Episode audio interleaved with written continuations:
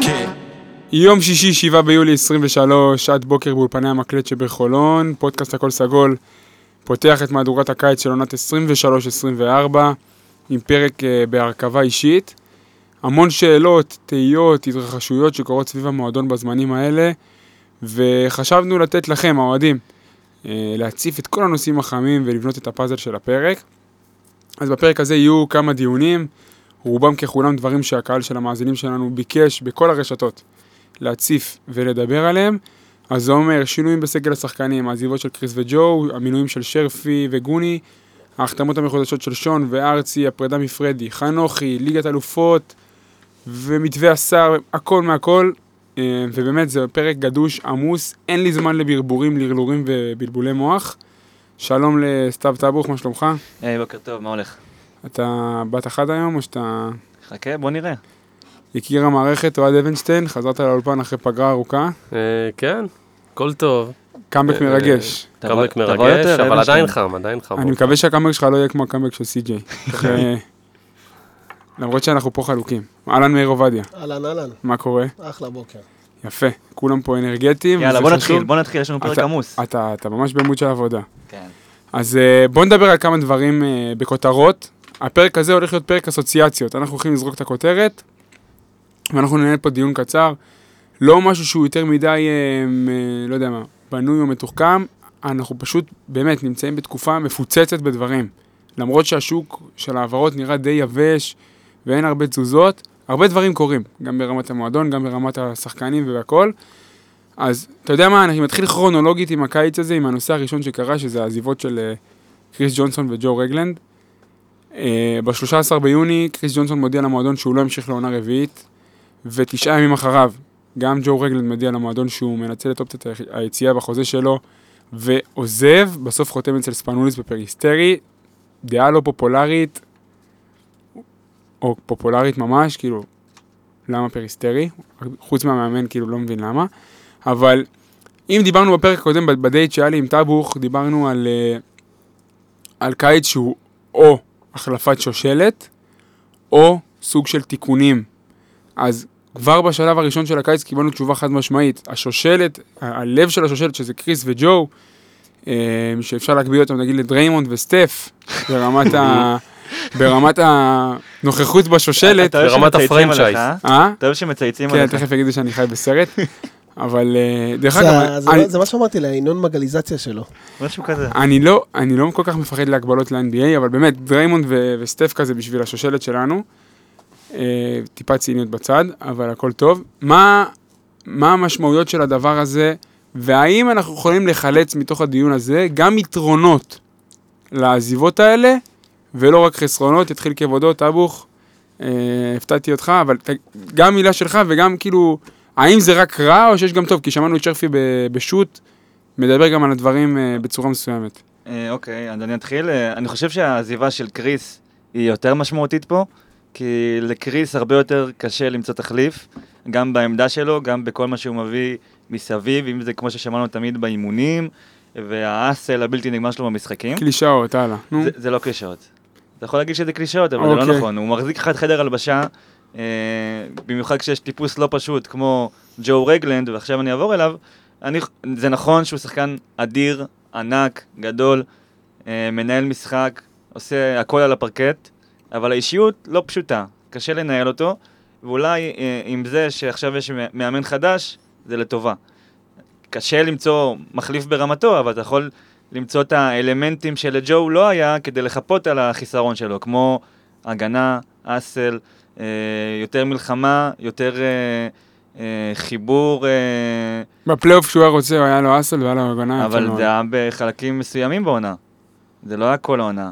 אה. שוב, אנחנו כנראה לא נמצא שחקן עם יכולות אישיות כמו שג'ו. בכסף אבל- כזה, ב- בסיטואציה כזאת. אוקיי, אבל אני חושב שאולי במקרה של ג'ו, אה, זה לא כל כך נורא. אני די מסכים עם מה שסתיו אומר, לא יודע אם זה מפתיע. אבל... אה, פשוט שג'ו במערכת, מרגישים שכל המערכת משתעבדת אליו, גם כאילו כדורסל ווייז, כאילו הכדורסל, הוא, משתעבדים לכדורסל שלו. אתה, אתה רואה שזה, שזה ככה. דרך אגב, אני באופן אישי חושב ש, שהדבר הכי טוב שקרה לשרפי זה העזיבה הזאת. הכי טוב שקרה לו? כן. אולי היה מוצא כזה גארד ב... תשמע, אה, ג'ו זה ערובה לסיים בצמרת הליגה. זהו, הוא- שחקן יש לו, יש לו, הוא, הוא שם רצפה מאוד ברורה. מצד. שני, בשנה ראשונה שלך, שאתה, שאתה נכנס ל, לאימון ראשי, אה, ואתה רוצה להכתיב איזושהי מד- מדיניות ופילוסופיה וכל מה שהוא מאמין בו, זה הרבה יותר קשה לעשות את זה כשג'ו נמצא. זה פשוט קשה, כי ג'ו בעצם הוא סוג של אה, שליט אה, בלתי ניתן אה, להדחה על המגרש, על הפרקט, וזה מתבטא גם ב- באיך שהקבוצה משחקת, הוא כמעט מכתיב איך שהקבוצה הולכת לשחק בכל פוזיישן במגרש, במשחק, סליחה. ו... ועכשיו לשרפי יש את היכולת אנחנו- להביא לידי ביטוי את מה שהוא נכון. מאמין בו בצורה הרבה הרבה הרבה יותר... אה, אנחנו לא. מאמ- אנחנו לא מכירים את עמית שרף בתור מאמן ראשי, כי הוא לא אימן. הש... כי בגלל זה, נגיד ג'ו רגלנד וגיא גודס, זה היה perfect fit. למה? כי אם יש לך מאמן שהוא יותר פרגמטיסט ומחפש את, ה... את, את, את, את הניצול של היתרונות הספציפיים של השחקנים שלו, כמו גיא גודס, שלא עכשיו בא ולהנחיל איזה שיטה וללמד, אה, לעשות אה, קורס בתיאוריות מתקדמות בכדורסל, אז ג'ו הוא שחקן טוב. ואם עמית שרף יבוא עם איזה אידי- אידיאולוגיה ויבוא להנחיל פה איזה משהו, אז ברור שג'ו יפריע לו. אבל אם עמית שרף יחפש לבנות את הסגל הכי טוב שיש לו ולנסות לצאת עם זה למלחמה, אולי זה כן אה, אובדן מסוים. לא, אבל אה, ג'ו רגלנד, אה, כמו שמאיר אמר, זה לא רק אה, שהוא קובע הכל, אתה גם, אתה, כשיש לך את ג'ו רגלנד, אתה מתחיל לבנות סביבו את הקבוצה.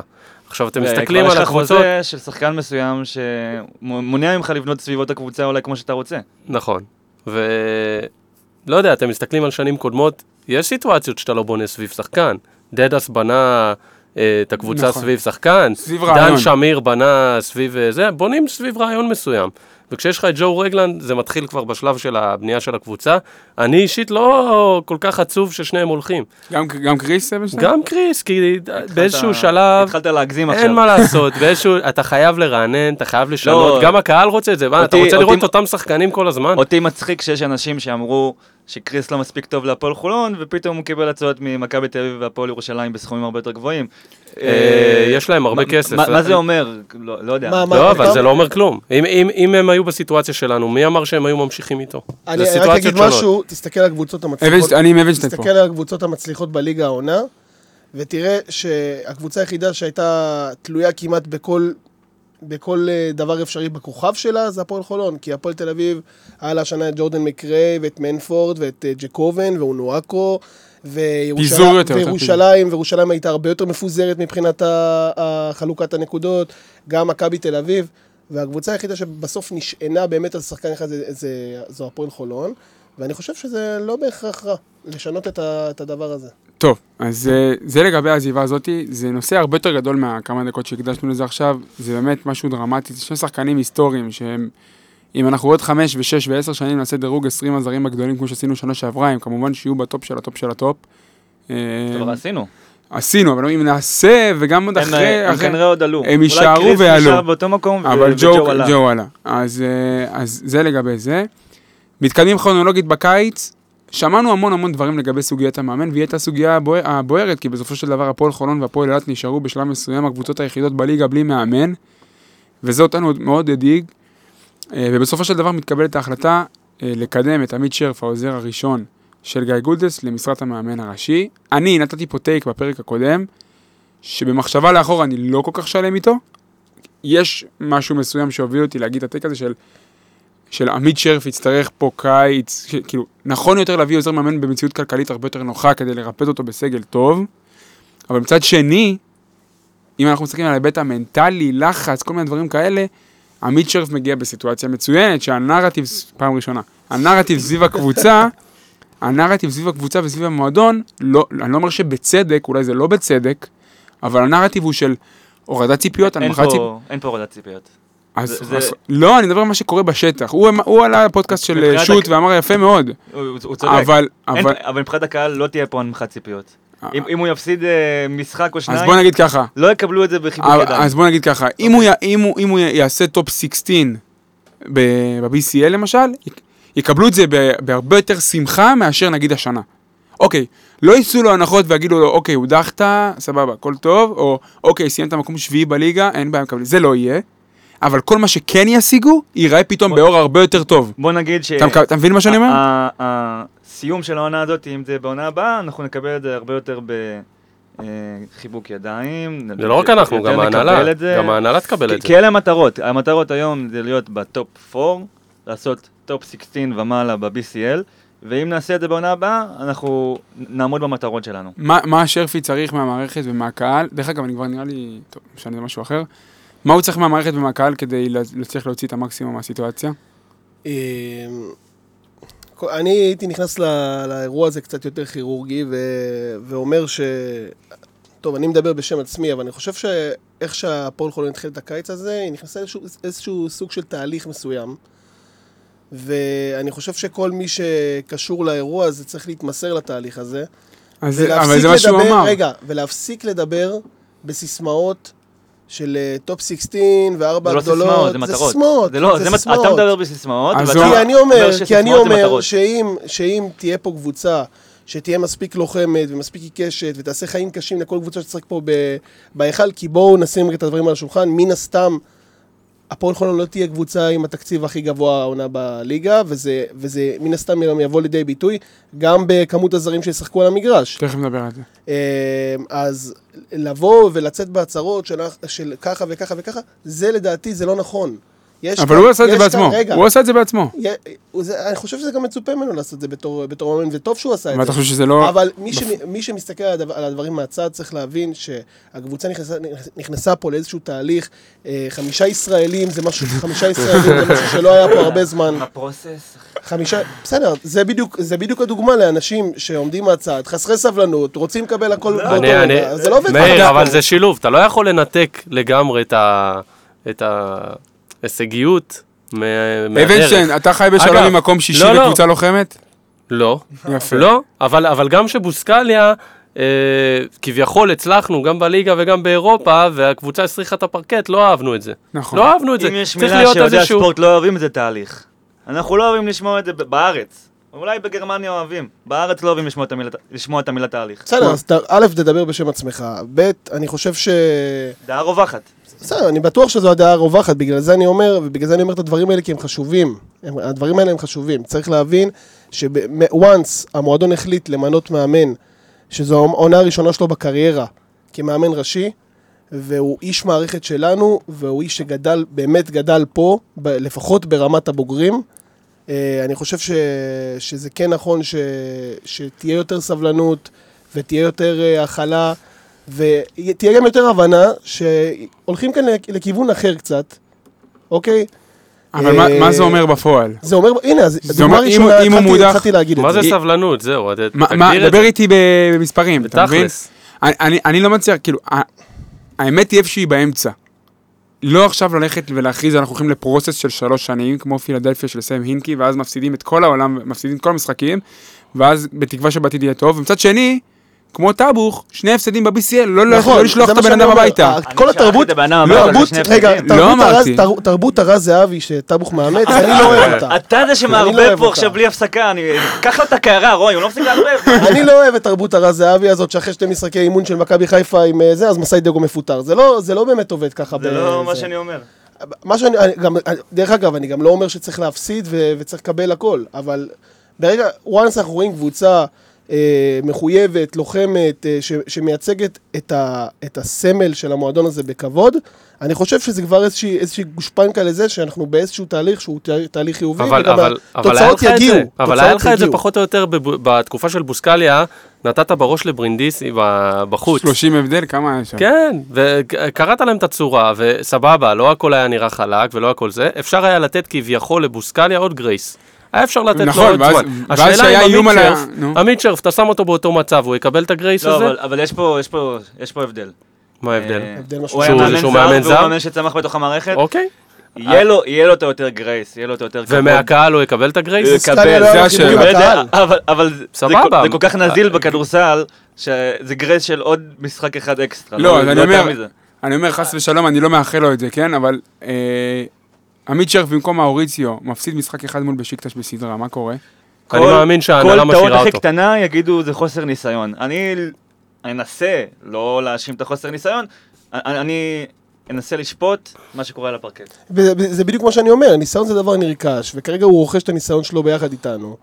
אה, וזה פשוט צריך לקבל החלטה בראש. תקשיב, לקהל אין, אין סבלנות, אין כזה דבר. אתה, אתה ראית גם, פרנקו מדבר על זה ב- בראיונות, כשמנצחים הכל טוב, כשמ- כשמתחילים אה, לקרטע, פתאום אה, האווירה משתנה. אבנשטיין הוא אמר, במיל... הוא אמר את זה כל כך תמציתי וחד, או שהוא אמר את זה בארבע דקות? אה, שאלה טובה. שאלה, האם זאת האלטרנטיבה הכי טובה שהייתה להפועל חולון בשוק בסיטואציה הזאת? אה, אני לא יודע, תראה, תראה כאילו, הם, הם קיבלו החלטה לדעתי לצמצם את העלות של המאמן. אני לא חושב שזה... זה- החלטה. כי אם לא- היו זה- מביאים זה איזה לא מישהו, לא שם? לא. אוקיי. ש... אבל- זה, זה שיקול. זה שיקול. תשמע, אין- אתה אני לא מביא יודע מה מאמן, שם. נגיד, אם אתה מביא מאמן הייתי כמו. אני אתה מביא מאמן כמו שאני- דדס, אתה צריך לשים לו חבילה.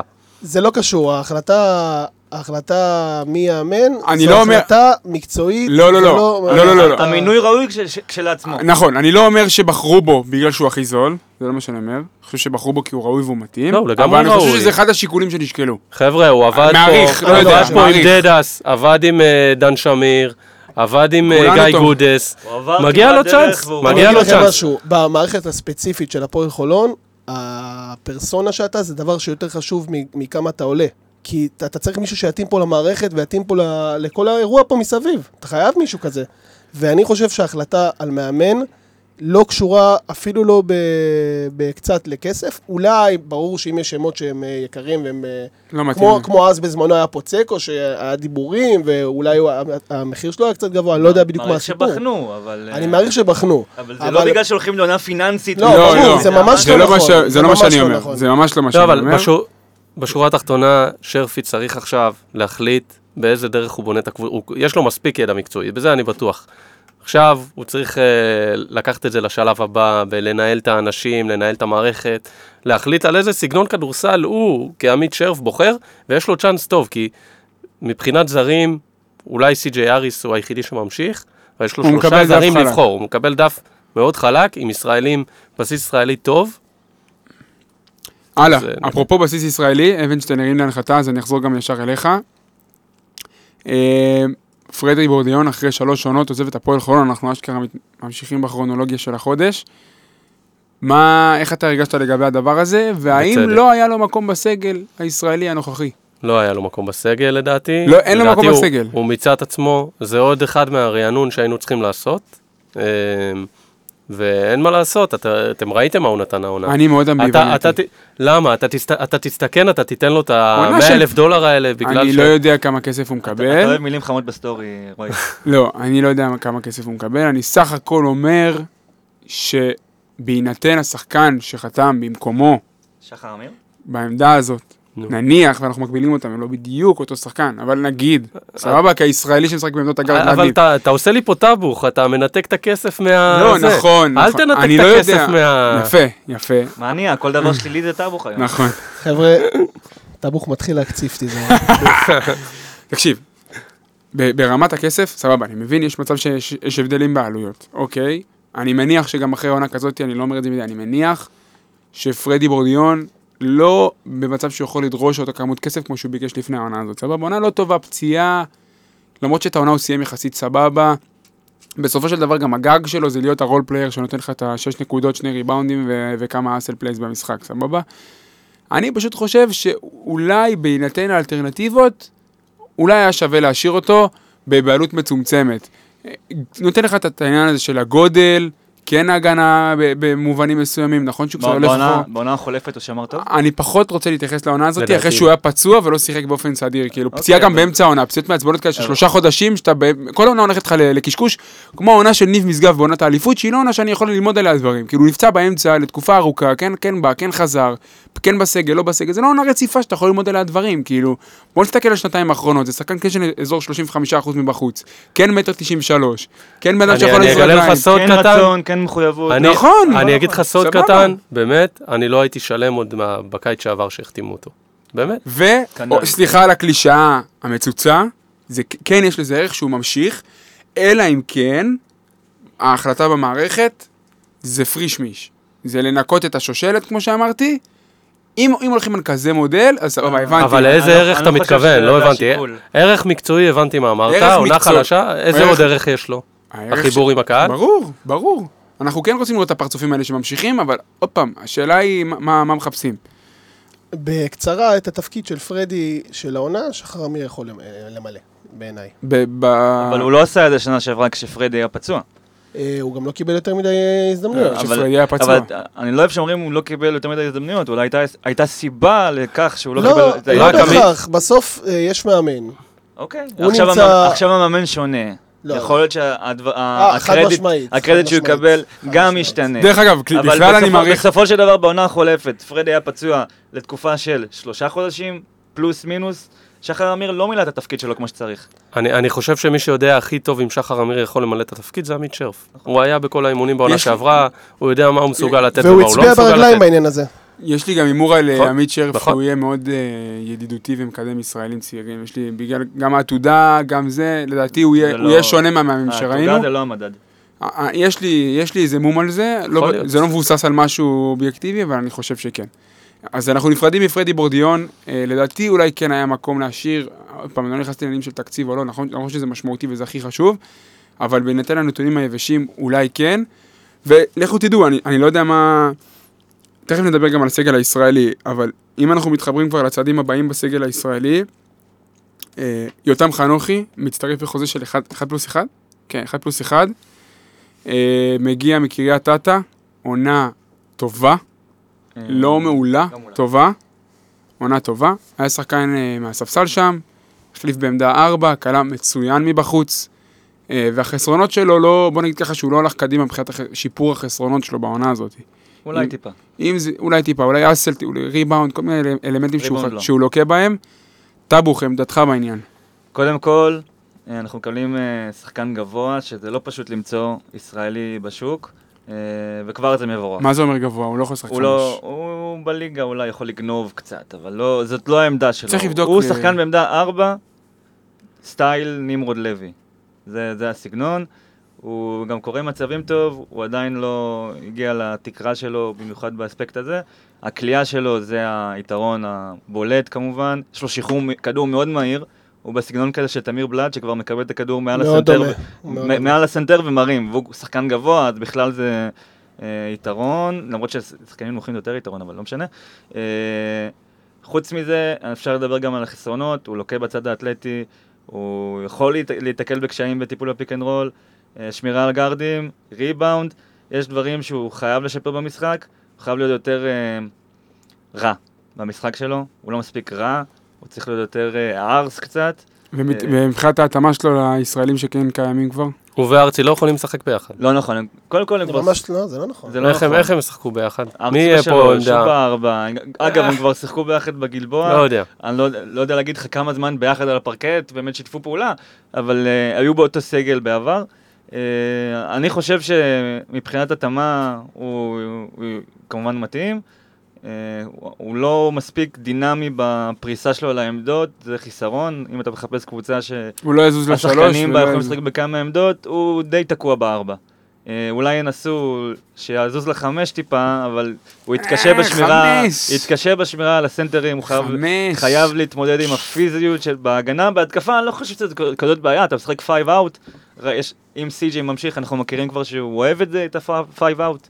אתה לא יודע עדיין שאתה משחק five out, אין לך מושג. לא, אני יודע, הוא משחק חמש, אה, אם הוא משחק הוא חמש. משחק הוא לא- הוא לא ישחק רוב חמש. הסיכויים שבהתקפה אתה רואה את זה כיתרון שהוא ב five out, כאילו הוא החמש ש- שבחוץ וכולם אה, פרוסים ויש אה, חדירה פנויה בתוך הצבע. אה, חוץ מזה, אני חושב שבסך הכל החתמה טובה, אבל היית מביא מישהו לפניו, אבל? חובת ההוכחה עליו. היית מביא מישהו לפניו? אה, אני לא יודע מה האופציות שעמדו על השולחן, אבל כאילו... מבחינתך. בוא, אני- אולי היה יותר נכון להחתים מבחינת תכונות סנטר ישראלי. זה, כן. כי יש לך את ארצי שיכול לגבות אותך בעמדה 4, הוא כן, יכול אבל לשחק אם- בכמה עמדות. כן, אבל אם המאמן לא רוצה סנטר.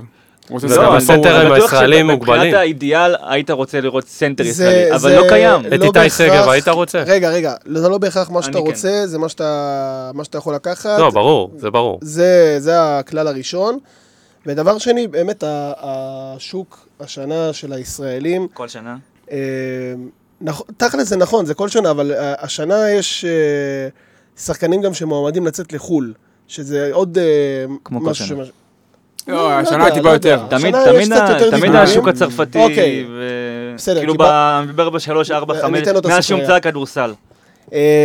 מה שאני בא להגיד זה שהשוק שוק השנה, יכול להיות שטבוך אומר כל שנה, אז השוק כל שנה הוא קשה, אה, ואני חושב שבהתחשב במה שהיה בשוק, אופציה, אתה מדבר- אה, על ישראלים אבל, נכון? אני מדבר על ישראלים. אה, אז זו אחלה החתמה. אני אוהב מאוד אה, את המצבת פורורדים הזאת, שמן הסתם הצטרפו אליהם גם אמריקאים.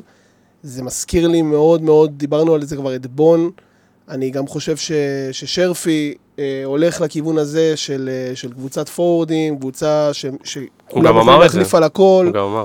אה, ואני אישית, איך זה שאני מסתכל זה על... מצריך ממך גם גארדים מסוימים, כן? אתה צריך להביא פה גארדים של אה, 6-4, 6-5. כן, זה מצריך, זה מצריך, ממך- תראה, לא בהכרח, אבל uh, זה כן נותן לך את האופציה לשחק עם uh, שחקנים בכל מיני עמדות. אתה יכול לראות פתאום את ארצי משחק חמש לדקות מסוימות. בהגנה הוא יכול לשמור חמש. הוא בהגנה, הוא יכול. חמש ברייס וושינגטונים כאלה, כן, כן, אבל... סבבה, לא ניבויים. עוד פעם, מה שאני עכשיו מדבר על עמדות, הדבר היחיד שמשנה זה הגנה. התקפה זה לא חשוב. התקפה, ראינו כבר מה דדס עשה פה, ו, ושרפי לקח ממנו לא מעט בעניין הזה. Uh, ההתקפה היא קצת פחות uh, קריטית, כאילו, כשאני מדבר על עמדות, יותר ברמה ההגנתית. ויש לך הרבה שחקנים שיכולים לזוז בין עמדות. Uh, שון יכול לשחק גם שתיים וגם שלוש, וחנוכי לדעתי גם יכול גם לתת דקות בשלוש. וארצי יכול לשחק לך בשלוש עמדות, וגם הזרים שיגיעו הם יהיו ורסטיליים. אה, סי.ג'יי משחק בשתי עמדות, אני מאוד אוהב את זה. בטח בסגל של ארבעה זרים לליגה, זה, זה הדבר הכי חשוב בעיניי, ורסטיליות. טוב, אז אה, מילה שלך לגבי חנוכי, מקצועית אולי. אה, שמע, אני... האלטרנטיבה היחידה, סך הכל, עוד פעם, האלטרנטיבה היחידה מבחינה רעיונית, כן. שאני מאוד הייתי רוצה להיות פה, אמרתי, זה טי.ג'יי קליין, אני לא יודע אם זה היה בכסף ריאלי, אבל מבחינת הרעיון, הקונספט של ארבע, שיכול לזוז, זז בלי כדור, קולע מבחוץ, שיכול לזוז לחמש, אצל דן שמיר הוא גם שיחק חמש. זה משהו שאני מאוד הייתי רוצה, אבל חנוכי לדעתי הוא האלטרנטיבה, כאילו, כביכול, בין העליונות. לא, אין, אין, ב- אין ספק שזו החתמה טובה. כאילו, אין... אה, זה, אמנם הוא, הוא קצת רך, אה, לא יודע, בזמנו העלינו סקר ב... העליתי נראה לי, לא משנה, סקר בטלגרם? בטוויטר עם אה, אה. וויל ריימן או חנוכי, הרוב רצו את אה, וויל ריימן, אבל אתם יודעים, זה אה, סתם, זה שמות... שחקן מכבי תל אביב. אבל עכשיו הוא שחקן מכבי תל אביב, קצת בעיה, אבל... אה, לא, אבל זו החתמה טובה, או אין ספק שהוא ישראלי בכיר. זה, על זה אף אחד לא, לא יטיל בזה ספק, הוא, נח, הוא, נחשב, ו- הוא עונה להגדרה של ישראלי בכיר, ובתמונה הכוללת הרווחת פה עוד ישראלי בהשוואה לשנה שעברה. נכון? אה, טוב, אה, אנחנו גלשנו כמעט לסגמנט הבא, אבל אנחנו נ, נ, נמקד אותו. אה, לפני הסגמנט הבא, מילה שלכם אה, על ההגרלה של אה, שלב הבתים ב-BCL. אין אנחנו תגובה, מקבלים את. אה, BBB, גם בון, גם בריאוגן וגם אה, בורסה ספור. יש אחד פלוס אחד בימי ראשון? ואני חייב להגיד משהו, אני חייב להגיד משהו. הנה. ישר קפצו אנשים ואמרו לנו, מה, אתם קופצים, אתם לא יודעים סגלים, אתם לא יודעים פה, אתם לא יודעים שם, אתם לא יודעים זה, מה, אתם דרמטיים, שלחו לי הודעות, כתבו לי בטוויטר. מה לקחו קשה? כן, אבל מבחינת. יכולות כלכליות, יש קבוצות שיש להן יכולות כלכליות, הכל ויש נכון, שלא. הכל נכון, אבל כשאתה מדבר על הגרלה, יש כמה דברים שאתה יכול לבחון אותם לפני שאתה יודע סגלים. שזה אומר נסיעה, המיקום של, ה, של הקבוצה, קהל ביתי, מסורת אירופית, סדר גודל של תקציב בשנים האחרונות, הישגים בשנים האחרונות, לפני שחתם שחקן ראשון. אין לי מושג מי משחק בקבוצות. יש לנו מושג, כי בדקנו. אבל אין לי מושג, כבר עכשיו אני יכול להגיד שזו הגרלה קשה. ואף אחד לא יכול להגיד לי, לקבל קבוצה ספרדית בדרג רביעי, זה- לגמרי. זה מכה. לגמרי, מכה. לגמרי. אתה יכול לקבל קבוצה פולנית, קבוצה מהמוקדמות מאיזה מדינה שאף אחד לא מכיר את זה, קוסובו, נכון. לקבל את רמי אדר, לא יודע אם נכון. בכלל... מה גם שיש להם. אולם ביתי, אז, אז, אז אם אני מסתכל על כל הדברים האלה, כל אחת מהשלוש היא יריבה קשה. בריאוגן זה מקום שנמצא יותר רחוק מבלבאו. להגיע לשם זה אסון. זה גבול פורטוגל. זה גבול, כן, זה אסון. נכון, נכון. יפה. אני לא מקנא במועדון ובמי שצריך להגיע לשם ובנסיעות ובטיסות, סבבה? גם בורסה ספור, בעיר בורסה, לא יודע, דרום מערב אה, טורקיה. רעידת- אדמה, אני חושב, לא מזמן. לא, בגזיאנטף. לא, זה זה לא- בגזיאנטף. יותר ישן. אה, וואלה? שלוש שנים. אה, אז באמת? הנה, מקום שאפילו... לא-. מקום ש... מוכה גורל, מקום מוכה גורל. אבל האמת שהמועדון כבר נסע לשם שהוא שיחק נגד טופש. אז אנחנו מכירים את המקום, אוקיי, סבבה. בון, פאקינג אלופת BCL, כאילו, אם, אם, אם זה נגיד שזה הגרלה טובה, אז מה, אז מה, מה זה עכשיו הגרלה טובה, כאילו? מבחינת מועדונים, ראינו שחור בעיניים. ו- אז- אז- ומי שלקח יותר מדי קשה את השרשור בטוויטר, זה היה בצחוק, תירגעו, מה יש לכם? לא, אבל גם, השרשור בטוויטר, אנחנו מתמודדים מול מועדונים בסדר גודל, נכון שבורסספור למשל זה דוגמה של קבוצה שיורדת מנכסיה ו- והולכת לכיוון של צמצום יותר, הבנו. עדיין, עשתה גמר יורו-קאפ לפני שנתיים, עם ג'ון הולנד וכל מיני שחקנים שהיו שם. יש שם מועדונים רציניים, קהל ביתי חם, נסיעות, שום משחק, אתה כרגע בלי סגלים. הפועל חולון נגד בורסספור, רק names. אתה לא favorite. זה שאפשר לעשות הישגים בבית כזה, ברור. אף אחד פה לא מקפל את העסק ואומר, "אה, עדיף שלא לעלות למשחקים, ברור. אבל זאת הגרלה מאוד קשה, והמועדון צריך לדעת שהוא לא בעמדת לחץ. אם טאבוך ירצה להרחיב אה, אודות חודש יולי, אז שיעשה את זה הוא, אבל אני בשוק שאני מסכים עם רועי בחודש יולי. אה. יש לך עוד משהו להגיד על הגרלה לפני שנתקדם? אפשר להתקדם, יש לנו אני- שאלות קהל, אנחנו רצינו... אני רק רוצה להגיד שאני מבסוט אה, שקיבלנו את בון משתי שתי סיבות. סיבה ראשונה, אפשר להגיד להם תודה על העונה שעברה. אה, סיבה שנייה, אה, וואלה, הם ירדו, הם ירדו מרוב הנכסים שלהם, הם פחות או יותר במצב שלנו. אבל הם קיבלו אתמול צ'ק של מיליון יורו. נכון? נכון, אבל רגע, אה, על הזכייה ב-BCL. כן, אבל אתה יודע, בונוסים וכאלה, זה מצטמצם. החתימו מאמן חדש, שעשה כבר פיינל 4 ב-BCL, מאמן מצוין. ושמו? אה, רול מורס, הבלגי. הם החתימו גם guard אה, מהליגה הבלגית. החתימו גארד, הם עובדים. אין בעיה. ואתה יודע מה הקטע בקבוצות בגרמניה? אתה לא יודע מאיפה הם מפליצים את השחקנים הכל כבר. מוכן מראש, הם כבר... אה, אין זה להם בטח שחקן מושג. שהם ראו אותו בתיכון. ככה כשיש אה, בן אדם זה- שיושב על השוק. זה. שחקנים שכאילו הגננת בגן חובה דיווחה כאילו ל GM של בון מה, מה היה שם. אז, אז זה, זה אחד. אה, אם אתה הפועל חולון, אתה עושה טקס הענקת אה, פרחים ותעודות במשחק של בון בארץ? אה, שוקל את זה ברצינות. כן? יש אה, אוהד שלנו שבא עם גופייה, כן, נכון? דודו, דודו דודו הביא. לא גופייה, יש לו צעיף לדעתי. אז קריאה פה נרגשת מפה להנהלת הפועל חולון לפעול בעניין הזה במשחק הבית. הלאה. יאללה, שאלות קהל. בוא נתקדם. עכשיו אנחנו מתקדמים לסגמנטים שבנה לנו הקהל. חלק מהדברים כבר דיבר- דיברנו, אבל קודם כל נעשה את האריזה. אז קודם כל נדבר על הקטע הישראלי, דיברנו, אבל כמה נקודות לחידוד.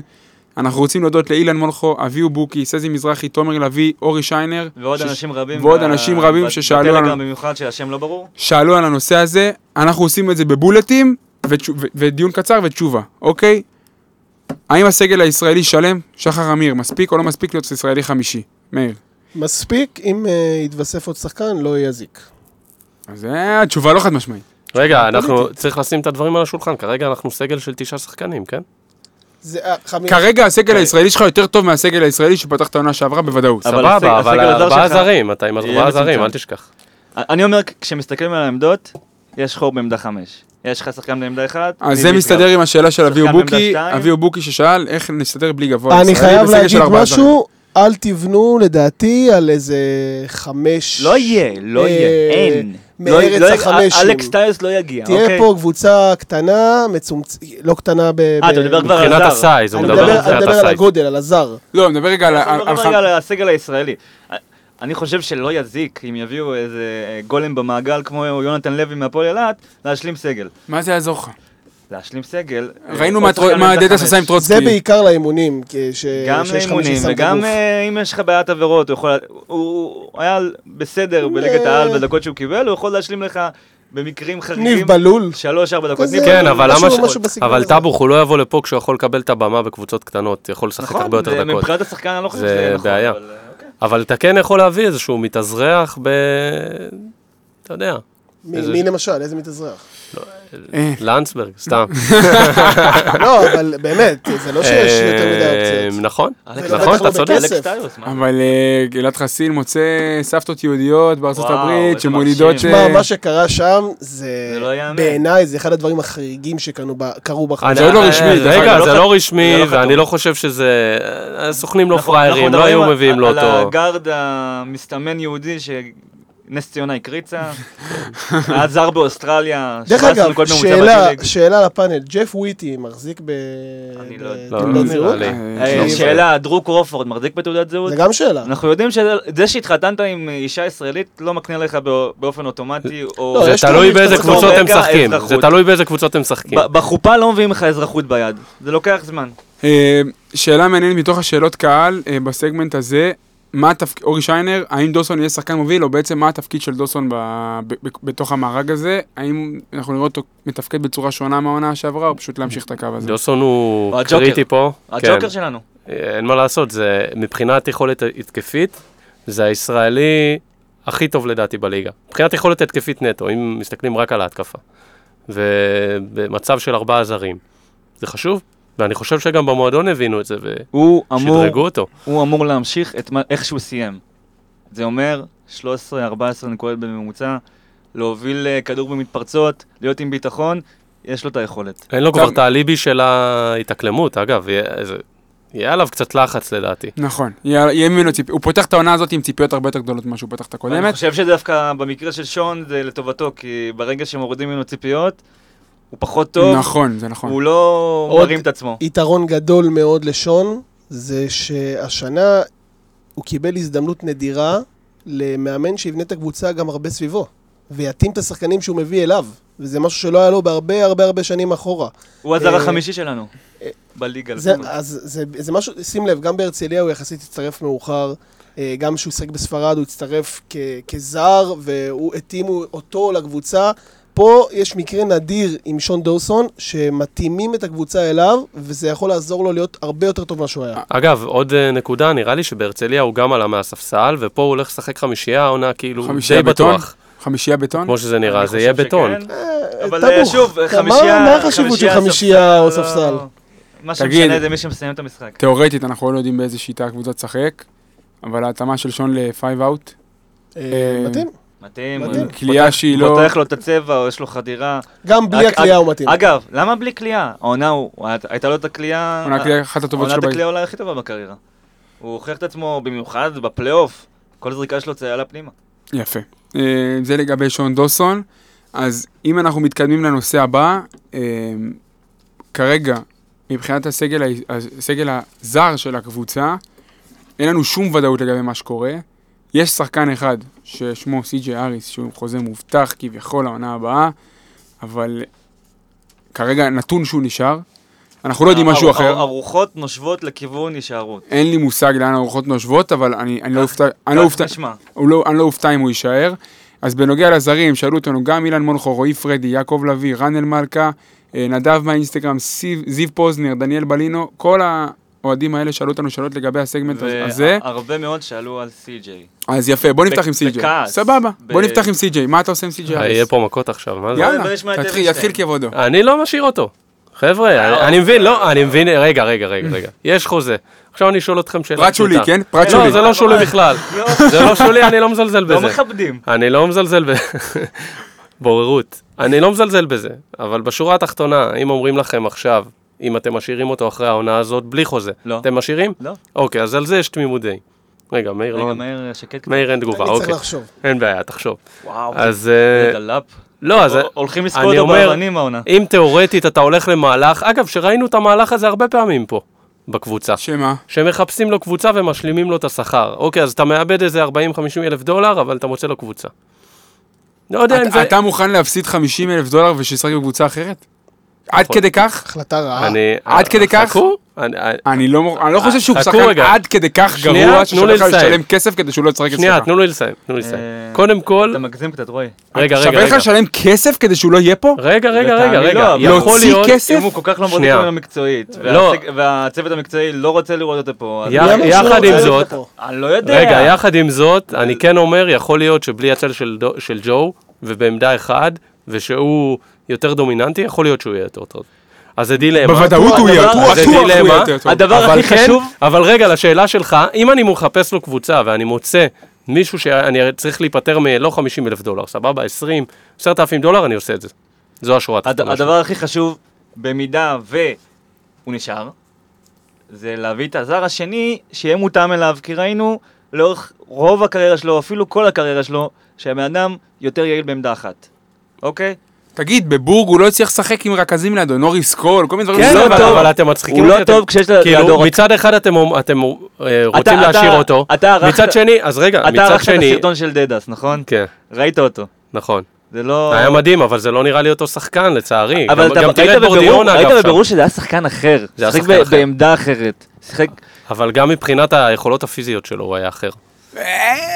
כי זה מה נכון. שאני ראיתי. נכון, כי הוא נכון, אבל- היה- הוא התחיל את העונה פצוע. אתה חזר- הסתכלת העונה על שחקן שחזר מפציעה. אה, היה לו מספיק זמן. תגיד, זה אבל, גם לא היה סתם פציעה, זה לא. סתם פציעה. זה לא פציעה סתם. זה פציעה לא קלה. זה, זה קבוצה שמשחקת כדורסל בלי סי.ג'יי וצריכה להתאים את סי.ג'יי חזרה אליה, זה לשחק עם ג'ו. יש פה הרבה הרבה הרבה מרכיבים שגרמו לסי.ג'יי לראות קצת פחות טוב, אני מסכים שהעונה הזאת הייתה עונה קצת פחות טובה שלו, אבל בהסתכל קדימה, אני שוב אומר, יש פה שחקן, בלב, הוא לא סתם זכה בחמישת העונה ב... של ה-BCL, הוא לא סתם עשה את זה. לא כל אישיות- שחקן... גם. נכון, לא כל חשוב. שחקן עושה את הדבר הזה. וגם שחקן שעבר פציעה, ועכשיו הוא עושה קיץ כמו שצריך ומכין את עצמו, אני בטוח שהוא יהיה טוב שנה הבאה, אני רגע, בטוח אבל אם- שג'ו, אם אתם... הוא יראה הרבה יותר טוב. מצד אחד, אם אתם אומרים לי, כאילו, שלא הייתם משאירים אותו, ומצד שני אתם אבל אתם יש מדברים. בשבחו, אז אז למה יהיה. קשה למצוא לו קבוצה? שתשלם את החוזה הזה. אני לא חושב שצריך אה, זה, אני לא מבין כאילו. את השאלה. אה, אתה אתה כאילו חושב שצריך? כן, אני חושב שצריך להישאר איתו. א', יש לו חוזה, צריך לכבד את החוזה שלו. כמו נכון. ש... דרך אגב, אה, לא- אנחנו לא היינו רוצים שהמקרה הזה ייראה הפוך. נכון. לא היינו רוצים את נכון. זה הפוך. אבל זה קורה. אמ, זה קורה לשני אבל- הצדדים. אבל- אבל כל ה... הוא גם ברח לנו, הוא גם ברח לנו. נכון, נכון. הוא ברח אבל עם סעיף, הוא אבל נכון. זה, אבל זה שמישהו עושה משהו לא בסדר, זה אתה מועדון, אוקיי? אני חושב שהרפיטיישן יותר חשוב מכל השאר. עזוב, גם אה, ברייסון מטייל ככה בטיילת, הוא אוכל גלידה, מבסוט, הילד נהנה פה בארץ, זה גם שיקול. אתה מכיר את השם? זהו, לא- לא הבנתי. על- הילד הקטן. ה- הנקודה החשובה ביותר, אם הוא נשאר, הגארד השני לידו צריך להיות מותאם אלו, אה, אה, אה, אה, מותאם אליו, קומבו, סגנון טיירוס מגי, שם קוד, ולא להביא רכז. לא, אתה יודע, היו העונה כמה טייקים שהוא לא מצליח לקחת ישראלים בינוניים בליגה לסל, וזה מדאיג, באמת. מדהים. אותי זה מדאיג, מסכים. בתור מישהו כאילו מסכים, שזה הולך להיות אחד מארבעת הזרים, זה מדהיג. תגיד שהוא היה רך, הוא לא היה מספיק רע, הוא לא היה מספיק אגרסיבי, לא- הכל נכון. בשנה הבאה, נניח יש לו כבר חוזה, הוא ממשיך, יצא וולקאם, את הזר הבא אתה צריך להתאים אליו. זה ברור. ומי זה, ומה, זה זה זר הבא? אז יפה, מה הייתם זה- עושים? זה תכף, רק? נסכם. הדעה שלי, ולדעתי גם של טבוך ומאיר, זה שבסיטואציה של שיטה מסוימת, בלי רכז דומיננטי ועם בריאות, הסיכוי שהוא יהיה יותר טוב ממה שהוא הציג שנה שעברה הוא 100 אחוז. 100 אחוז. לא יודע אם 100, אבל 90 כן, אבל 90 אבל אין ספק, אחוז. אין ספק שיש סיכוי שהוא טוב. יהיה הרבה יותר טוב ממה שהוא היה שנה אין שעברה. ספק, אין ספק. הלאה, לגבי הזרים הנוספים, אה, בואו רגע, בוא רגע נדבר על טיפה על הנקודה כמעט, כמעט הכי חשובה. ארבעה זרים או חמישה זרים? ארבעה. אה, לא, עזוב מה שזה... מה יהיה מה שאתה רוצה, לא הבנתי. מה הסיכוי לתת fight לקבוצות של חמישה זרים אה, בארבעה זרים? קודם סי.ג'יי ועוד שלושה נגיד. קודם כל, שתיים וחצי מיליון שקל, אתה לא יכול לזלזל בזה. רגע. בואו נעשה- סדר על המתווה. אז אנחנו מתקדמים למתווה. הרי. היו דיבורים שיהיה כמות בלתי מוגבלת של זרים וכל הדברים האלה. בסוף, למכבי תל אביב והפועל ירושלים, שמסתמן שיהיו עם אקסטרה זרים, וגם הפועל תל אביב, רמי כהן הצהיר, אני שמעתי באוזניים שלי, יהיו חמישה זרים, לא יהיו להם שישה זרים. שכבר, זה מצמצם את הפער. מפה בואו בוא נתקדם הלאה ונראה. מה, אה, האם אנחנו יכולים להיות תחרותיים עם ארבעה זרים לעומת חמישה זרים? אני חושב שכן. וזה, הבסיס הישראלי שלנו מספיק טוב, וכאן אתה צריך לפגוע בזרים. חסר עוד אחד. אתם שוכחים שבעונה של דדס הייתה אחלה קבוצה, והייתה רוב העונה עם ארבעה זרים. לא רוב העונה. עד חודש פברואר. זה חצי עונה. לא, אבל עד- אוקיי, שדזאו הגיע, לא התמודדה- נראינו טוב, צריך להגיד. וגם, עם מכבי וג- תל עוד אביב, פעם, אדרבה, טאבוך, גם הקבוצה המעולה ההיא של דדס, שכנעה את עצמה שהיא צריכה לרשום חמישה זרים, ורשמנו עוד גם- חמישי. גם בעונה עם דן שמיר, שהיינו מקום ראשון בליגה, כמה זרים היו פה? היה לך את ג'ו אלכסנדר, קח אבל בחשבון. אבל כאן לא יש לך את. שון דאוסון, אוקיי? לא, לא, אבל סבבה, סבבה, אני איתכם בקטע הזה. אני חושב שזה ארבעה זרים זה מספיק. אני רק חייב להגיד משהו על הבדיחה הזאת ש- שקרתה אתמול. אין בעיה עם כל המתווה הזה, הכל טוב ויפה. הכל אותו דבר. לחזק את הזה, הם לא שינו פה שום דבר, לא, קצת- אני- קצת הם יותר לא כסף. שינו פה כלום. קצת יותר כסף. קצת יותר כסף, זה לא באמת זה משנה. משמעותי. לא, לדעתי, כל עוד אבל- אתה לא מוריד, כל עוד אתה לא מוריד את המכסת זרים שאתה יכול לרשום בעונה, לא עשית פה כלום בשביל השחקן. הישראלי. אני- אני- כלום לא עשית. אני- אני רוצה להבין, מה המטרה של המתווה הזה? אני רואה שני דברים מרכזיים, שגם השר דיבר על- עליהם, ואני לא מבין למה יש משקל יותר גדול. האם זה לקדם את השחקן הישראלי, או האם זה שהקבוצות יביאו לפה זרים יותר טובים באיזה 300 אלף דולר והשח- והליגה תהיה יותר טובה? התשובה כי היא אני גם- לא הבנתי מה אסביר. המטרה המרכזית. אז אני אגיד לך מה, קודם כל, הרעיון היה לקדם את השחקן הישראלי. אז זה- זה... זה בראש סדר העדיפויות? רגע, כן. לא- ואיך אתה אתה מקדם את השחקן הישראלי? אני חושב גורם שזה- לקבוצות להבין שאם הם ישחקו עם זר פחות, הם לא יהיו פחות טובות באירופה. אני חושב שבהיבט הזה של לקדם את השחקן הישראלי, המתווה הזה לא רע. לא- לא רע. רגע, אבל לא, אם, רגע. אם יש פה נאיביות, שעכשיו קבוצות יביאו ב-300 אלף דולר זרים, זה לא יקרה. זה- א', פשוט זה לא יקרה. העיריות יצמצמו את הכסף והכסף יגיע מהממשלה. זה לא יקרה, והדבר הכי. חשוב, הדבר הכי חשוב, למה אתה טועה? כי כל עוד אתה לא מבטל את ה... את, לא מוריד את אה, מכסת הזרים, נכון, אתה יכול לרשום נכון. בעונה, מה יקרה? אני אסביר לך מה אה, יקרה. זה- עדיין יש עשרה אני זרים? אסביר לך מה יקרה. אני אסביר- המתווה דרגן בנדר הארור הזה שממשיך איתנו. אני גם אסביר לך מה יקרה, בלי שום קשר לכמות הזרים שאתה תביא בעונה. קבוצות כמו מכבי תל אביב, הפועל ירושלים, אולי הפועל תל אביב, יגידו, אוקיי, בסדר, אנחנו משחקים באירופה, אנחנו משחקים באירופה, אנחנו מביאים לפה עכשיו כמה זרים שיהיו פה לגיבוי, נגיד נפתח את העונה עם שבעה זרים. אבל זה מה שקורה כל הזמן, כבר רגע, שנים. רגע, יפתחו את העונה עם שבעה זרים, וישחקו בליגה נגיד רק חמישה. מה קורה באימונים? איפה הישראלים משחקים באימון? לא, אבל... למכבי תל אביב, הפועל ירושלים, הפועל תל אביב, המתווה הזה לא משנה, זה אותו- אותו דבר, רק שהם לא מקבלים את הכסף. כן, אל תסתכל עליהם. מה שצריך לשנות זה. לקריית אתא ולנס ציונה וגם הפועל חולון. תרד לסוף דעתי. אני מדבר גם על הקבוצות האלה, כי בקבוצות האלה ישראלים אפילו לא משחקים באימון. יש לך שבעה שמונה זרים בסגל, ולצורך העניין אחד מהם לא טוב, אוקיי? החלפת אותו. כמה אתה עוד יכול להחליף? אתה יכול להחליף את כל הקבוצה, תראה את נס ציונה. לא. תראה את נס ציונה של עונת האליפות, הם פתחו עם חמישה זרים, החליפו חמישה זרים. מה שקורה... למה אתה חושב שלקח כל כך הרבה זמן להגיע למתווה? הקבוצות הגדולות לא הסכימו לוותר על העשרה זרים האלה. זה, וזה, זה הדבר... עדיף שיהיה את העשרה זרים, ושימשיכו לרשום חמישה זרים ולא יותר מזה. אם זה, אם זה הנקודת אמצע, אני, אני, אני אומר, חי איתה בשלום. אני אומר שחלק מהחוק, מהחוקים של ליגה צריכים- צריכים להיות גם דבר כזה. לא בנית טוב בקיץ, תאכל ניתן- חרא. ניתן לך, ניתן לך קצת לשנות, אבל, לא, לא. לתקן לגמרי, תיתן, תן את ההזדמנות לשחקן הישראלי, זה בעיה שלך. אבל הרי ברור לי שזה זה משהו שהם דנו בו והגיעו לנקודת האמצע ולא הסכימו לוותר עליו אם יש חמישה זרים עדיין. אז ככה, הקטע שזה אמור להביא יותר כסף לזרים. אתה מקבל עוד שניים וחצי מיליון שקלים, לאן הכסף אז הזה לא, ילך? אז אני אגיד לך בדיוק. לאן? אז אני אסביר לך מה. כל הקונספט גרוע. מה שקורה עכשיו, זה בדיוק מה שקורה עכשיו, רק עם טיפה יותר כסף. אוקיי, אני לא מבין, אני לא מכיר את המספרים, אז בוא נניח לטובת המתווה, 1.5-2 מיליון שקלים יותר, ממה ש... כי גם עכשיו, לא, קבוצה היה- שרושמת חמישה זרים משלמת קנס, נכון. והקנס עובר לקבוצות שלא שילמו ארבעה זרים, זה כמה- בדיוק... כמה נכון. קיבלו בסופו של יום? מה? לא יודע, כמה אז קיבלו? נניח בוא נניח, עזוב, בוא נניח לטובת... מיליון וחצי, נ- אוקיי, עזוב, עזוב. מספרים, נניח הרבה. כסף, הרבה, זה המון כסף, זה לא מעט זה מלא כסף. כסף. הכסף הזה אמור ללכת להביא הכסף זרים הזה, יותר טובים. הכסף. הזה, סבבה, הכסף הזה ילך בסוף לכסף של השחקן, לכיס של השחקן הישראלי שיבקש את זה הכסף, לדעתי חלק מהמטרה שלהם גם. יוציא כסף פרטי מהקבוצות, יוציא משקיעים פרטיים נכון. מהקבוצות שיודעים שהקבוצות יכולות להתקיים גם בלעדיהם. בסופו של דבר קבוצה, תחשוב, תקבל איקס כסף מעירייה, איקס כסף מ- ממשרד הספורט במתווה הזה, ובסוף כמה כסף פרטי יצטרכו לגייס? ימכרו אלף מנויים, יגמרו את החודש. אנחנו- אין, צ- ה- ה- ה- האינסנטיב שזה נותן לקבוצות הוא על הפנים. אנחנו, הרצון שלנו בתור אוהדי הפועל חולון, שהולכת על מתווה של ארבעה זרים, שהכסף הזה שמגיע ממשרד הספורט לא יגרום להנהלה לוותר על אה, גיוס משקיעים או להסתפק אני- במה שיש. אני לא- זה מה שאנחנו צריכים לדחוף אליו ולהבין. זה שאנחנו מקבלים את הכסף מה- מהמשרד הספורט, שניים וחצי מיליון שקלים, לא אומר שיגיעו לפה פחות משקיעים או שהכסף מהעירייה יקטן. אנחנו, אנחנו בתור אוהדים צריכים לדרוש שאם מגיע אבל- אבל אפשר רואים- את זה. בסגל לא- השחקנים. אני לא יודע ספציפית על הפועל חולון, אני אומר בכלל עכשיו, כל הקבוצות האלה של ארבעה זרים, ללכת לגייס משקיעים ולהביא כסף לקבוצה זה כמו לקפוץ בנג'י. עם המתווה הזה אתה קופץ את הבנג'י עם החוט. אתה קופץ את הבנג'י עם החוט, אתה יותר רגוע. בלי אתם- המתווה אתם- הזה, אתה בלי חוט, אתה אבל מתאבד זה- על זה הכל. מה שגרוע בו, כי שום נכון, דבר לא נכון. ישתנה.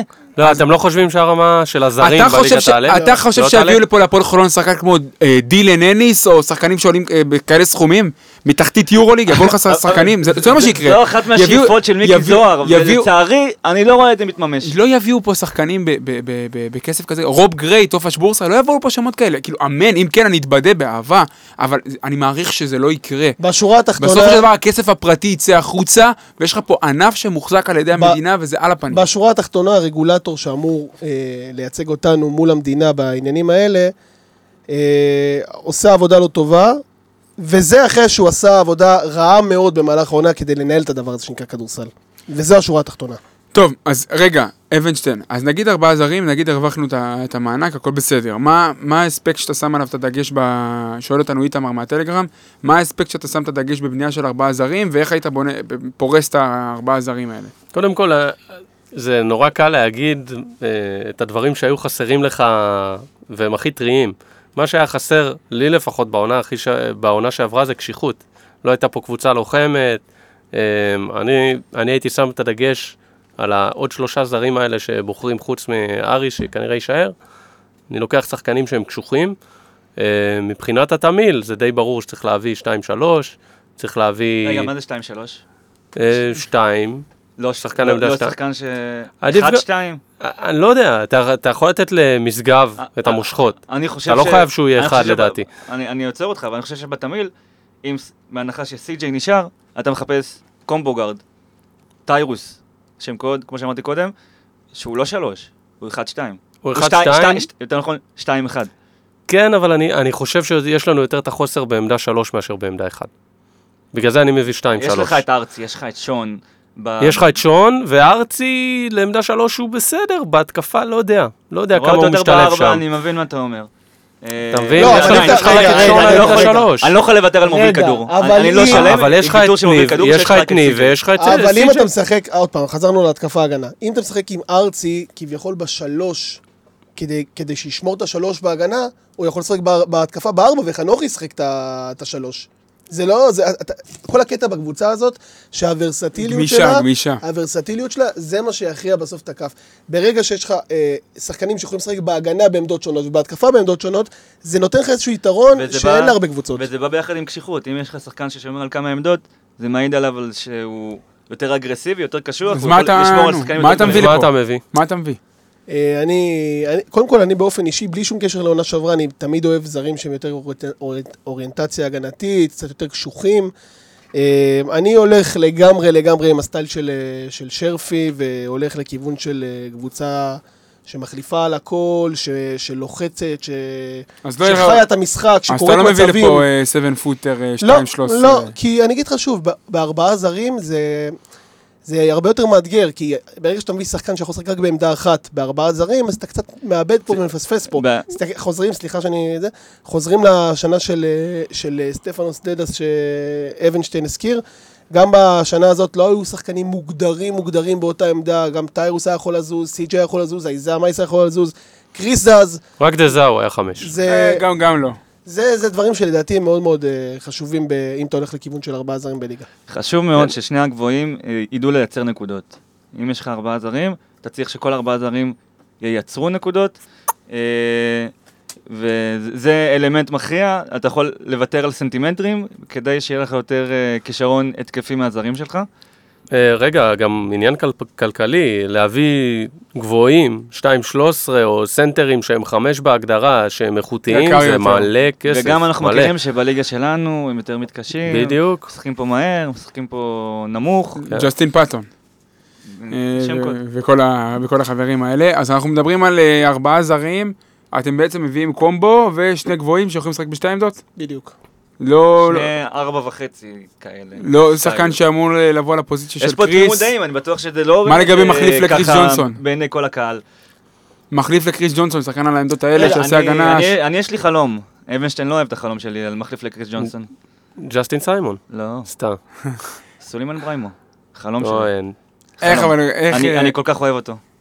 איך אבל אתה מקשר כאן, כאילו מה, איך, איפה הקווי דמיון לקריס? הוא קצת יותר גדול מקריס, הוא הוא יכול להיות יותר אה, בחמש, לפחות בליגה שלנו. יש לו את האגרסיביות, הגנה, מנהיגות. מנהיגות, מחזיק לך-. מחזיק לך את החדר הלבשה. מחזיק לך אותו. אתה אתה. רואה אותו, הוא נראה לי עוד 20 שנה יהיה ראש- ממשלת גר- אה, ניגריה. תמצא לי העונה שלו מהעונה שעברה. אחרי העונה הגרועה בקריירה. אני לא כן. מתרגש מהעונה אה, שעברה.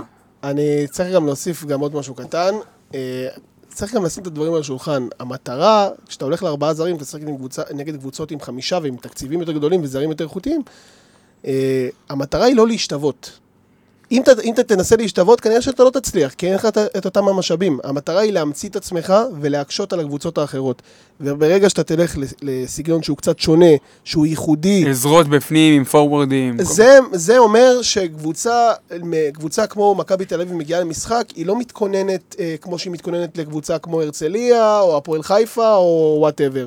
הם מבינים שהם הולכים לשחק נגד סגנון ייחודי, נגד משהו שהוא מיוחד, זה- והם צריכים לעשות את ההתאמות. וברגע שאתה מקשה על היריבה, מבחינתי, אני מרוצה כאילו. אתה אני יודע מרוצה. שקטש' הגיע עם ירושלים אה, בעונה של... אה, שדדה סיים את העונה עם פוסטר ואלה, אז אה, הוא אמר אחרי המשחק, בריאיון פוסט משחק, קשה לשחק נגד חולון, ואגב, זו הייתה עונה זוועתית שלנו, כן? אם אתם זוכרים. הוא אמר, קשה לשחק אה, נגד חולון, כי הסגנון שלהם מאוד ייחודי, אז זה בדיוק מה שמאיר מדבר עליו. אה, כן, זה פשוט הכנה אל שונה. תשכח ש... נכון, אל תשכח שהקבוצה לא של. סטף הייתה קבוצה מאוד דלה בתקציב, כאילו, הוא קיבל כן. שם תשמע, מעט כסף. קבוצה שעודד בריינביין עושה בה surprise drive, זה לא משהו שקורה כל יום. אה, עוד- עוד מש- עוד טייק שלכם לגבי הזרים, פרופיל שהייתם רוצים לראות, גילאים, אולי משהו יותר צעיר, אה, אני באופן אישי כן הייתי... כל הישראלים מתחת לגיל 30. רגע, אנחנו ב- בזרים.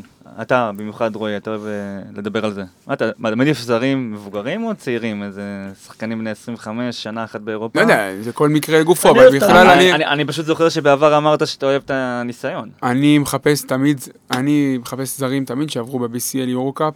אה, וזבל ג'י ליג. לא, אלה לא. סתם.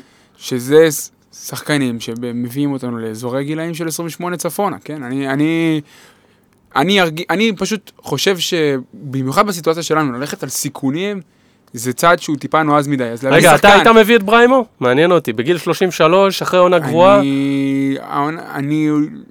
ברור שכן. וואו. ברור שכן. כן? אתה צריך להחלטה. אה, רעיונית, רעיון, רעיון. בריימו כרעיון, ארבע, שיכול לשחק חמש. קליעה מבחוץ, די עם הגנה. הרעיונות כבר, אתם לא, אבל אותי, זה- זה- אתה זה- מחפש זה תבניות. שחקן כדורסל, זה אה, לא... אבל אתה מחפש בליגת תבניות. אתה. מזלזל בסולימן בריימו. אני לא מזלזל. תוריד את האוזניות ותצא מפה. אה, אה, אבל אני אגיד לכם עוד משהו. אם בסוף יחתימו פה זר, בלי ניסיון אירופי, ששחק איזה שנה, שנתיים בג'י ליג, אני לא אקבל את זה. על רקע ארבעה זרים, מתווה, נכון. הכנסה של שניים וחצי מיליון שקלים. למה? אני אתקשה מאוד אבל לקבל את בואנה, הדבר הזה. לך... צודק. כי מי. שמגיע לפה אחרי שנתיים- שנה שנתיים אחרי בג'י ליג, שנה. הוא זר זול. אבל לא גלבוע, יקבל אז פה- מה, אז הוא זר אבל זול, הוא לא יקבל פה אפילו מעיד משהו. 150 אלף דולר, ואתה לוקח סיכון, אני לא אקבל את זה. קודם כל זה לא אומר שזה מה- 150 מה- דולר. בואנה, זקלי מה- דיי, קרי בלקשיר, להביא לך עוד אני לא דוגמאות של זרים לא מצליח שהצליחו להבין פה, מה. שאתם אומרים. אני- להפך, אני חושב שצריך להיות פה תמהיל של הכל. שיהיה פה גם שחקנים שהם קצת מה זה? מנוסים. יש לך כולה ארבעה זרים. יפה. מה זה תמהיל של הכל? אני חושב שאם אם לצורך העניין אמרתם שם קוד בריימו, אוקיי, אז בריימו מצטרף לסי.ג'י לצורך העניין.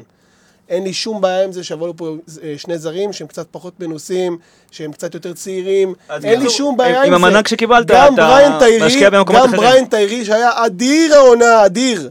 הוא עשה את זה בלי יותר מדי ניסיון באירופה. שחקן פנוי דרך אגב. הכל בסדר. אוקיי, אבל אתה לא יכול להתעלם מזה. שזה הימור, ואחרי. שעוברים מחמישה זרים לארבעה זרים, אני מצפה שלא ייקחו את ההימורים האלה. אני מסכים אני מצפה. ש... אבל אה, אני יש בהלם, כסף אבל- על איך- הזרים. איך אתה מנתק עניינים של אה, כישרון אני? בהלם, אבל זה טייק של טאבוך שצריך לחתוך ולהעלות, לא, כאילו, אבל, אבל, למה אתם מנתקים את ה... אני לא מבין למה טאבוך מנתק כישרון. אם יש לך שחקן שהוא סופר מוכשר. והוא בא מהמג'י ליג, בלי, בלי, זהו? בלי ניסיון אירופי. אז- אוקיי, אז אין לו זה? ניסיון אירופי. כאילו, אוקיי, לא, לא, זה חשוב, ברור שאתה יכול. לראות שחקן ולהגיד, זה הדבר הבא. אבל אתה עכשיו שינית קונספט, אתה מש- ואני מצפה... אתה מוכר לנו, זה מה שאתה מוכר לנו. כן, אני לא אומר לך? תביא עכשיו ארבע זרים שהם ג'י ליג. תקשיב, לא, לא, לא. לא. אחד אתה לא יכול להביא. אני, אני מבין את טאבוך. אתם מוכרים לנו, לא, אתם, המינהלת, העולם, המועדון, כולם. אתם מוכרים לנו את הדבר הבא. ואנחנו קבוצה שהיינו בחמישה זרים, אוקיי? אנחנו עכשיו אנחנו- השתנמכנו. בוא'נה, לא- אתם האוהדים, תשנו את הסטטוס בוואטסאפ שלכם, של חמישה זרים זה דרך חיים, אוקיי. ואנחנו מבטיחים לכם שנביא פה זרים פצצה. בוא'נה, ג'יילן אדמס הגיע להפועל ירושלים תקשיב, אחרי אל תביא לי אפס- ניסיון. לא, באירופה, תגיד, לא, לא, לא, אל תגיד אל תביא לי דוגמאות. אורן אמ- אל תגיד אל תביא לי דוגמאות, זה בדיוק מה שהוא עושה, ואם הוא לא יעשה את זה, אז אתה תמשיך לדבר פה עד מחר. אבל תבין את הרעיון, תבין את התכלס. אנחנו נרצה החתמות שהן אמירה. די, אוקיי. נו, סטיבן גריי אוי, חתם נו. פה, עשית פה חגיגות, בסוף הוא בא ולא הוא נתן צודק. עזוב, נכון, עזוב הוא את השמות? עזוב הוא. צודק, אבל יש לבל משמות. מסוים של שחקנים שהטווח טעות איתם יורד, נכון? אנחנו, לא יודע. כש- אתה כתבת בתחילת העונה של דדס, שסטפנוס. דדס הביא לפה שני גארדים עם ניסיון ברמות אירופיות שקולים 40% לשלוש קריירה. נכון. עם, אה, אז, אז, אין ספק שזה- זה אני זוכר מצמצם, בעיניים אבל- שלי את הטקסט שלך בקבוצת האוהדים שכתבת, "ה- המקום לטעות פה הוא נמוך. נכון. אתה אמרת את זה. לא, אני לא אומר שזה לא מחפש. מצמצם, ססטינה, אבל אתה לא? יכול...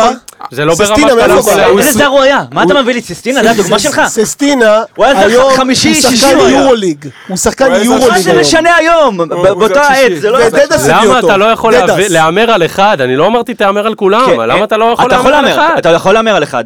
אם הוא אתה ממש הוא מאמין הוא בו, הזר החמישי כמו שלך. שירושלים, למה? יכול להמר על אחד, הוא החמישי שלך. ירוש- רגע, ירושלים הצליחו עם ג'יילן אדמס? אתה יכול להמר... כמה היו זרים- היו להם? דוגמה. כמה גלבוע זרים היו הצליחו עם להם? גלבוע הצליחו עם לגמרי. קרי אה, בלקשיר, ג'ייקוב בן בראון. קרי בלקשיר זה ארבעה זרים. תקשיב, זה לא זה לא אותו סדר גודל ג'ו של מועדון. תומאסון בא לפה בגיל אוקיי, 23. אוקיי, נראה לי נכון? מיצינו את הדיון. אה, לא, אה, הדיון מעולה, אבל אתה- אתם עושים, אתם חוטאים מרקוס. פוסטר בא לפה בגיל אתה חוטא- 24. אתה נכון. חוטא פה את ה... בלבנון. אתה חוטא- אתה חוטא פה לזה. מועדון גדול שמוריד מחמישה לארבעה, ב- ב- ב- בסוג של הסבר של עוד כסף שנכנס למערכת, במטרה להביא זרים טובים יותר, זה ההסבר של המתווה. הפועל חולון לא אמרה את זה בריש גלי, המתווה אומר ככה. אוקיי, אז בא טאבוך ואומר, ואני מסכים איתו, אוקיי. שברגע שקורה דבר כזה, שאתם אומרים לנו, אנחנו הולכים לצמצום בזרים כדי להביא זרים טובים יותר, והולך להיכנס- והצמצום בזרים מכניס לנו את הכסף, אנחנו מצפים שיבואו סבבה. זרים אז איכותיים. אתה וטאבוך הייתם מבסוטים שקני קאג'י חתם, וואי, איזה שחקן, 2-13 בגיל לא, 35. לא, לא כל- לא שחקן עם די עם ניסיון. אומר שהוא שחקן טוב. רוי. אני מצפה שיביאו גם ניסיון וגם איכות. רוי וטאבוך, גם להחליף זרים באמצע העונה זה עולה כסף, ולמועדון יש עוד הוצאות חוץ משחקנים, אוקיי? אני לא חושב שלהביא שחקן שהוא ב- עם אה, תקרה, זה איי איי איי. אני לא חושב שזה כזה אסון גדול. אז, אז, אז אני חושב ש... אז אנחנו נחתום את הדיון הזה ואני אגיד את הדבר הבא. אני לא מאמין שדחפתם אותי להיות עם טאבוך באותו צד.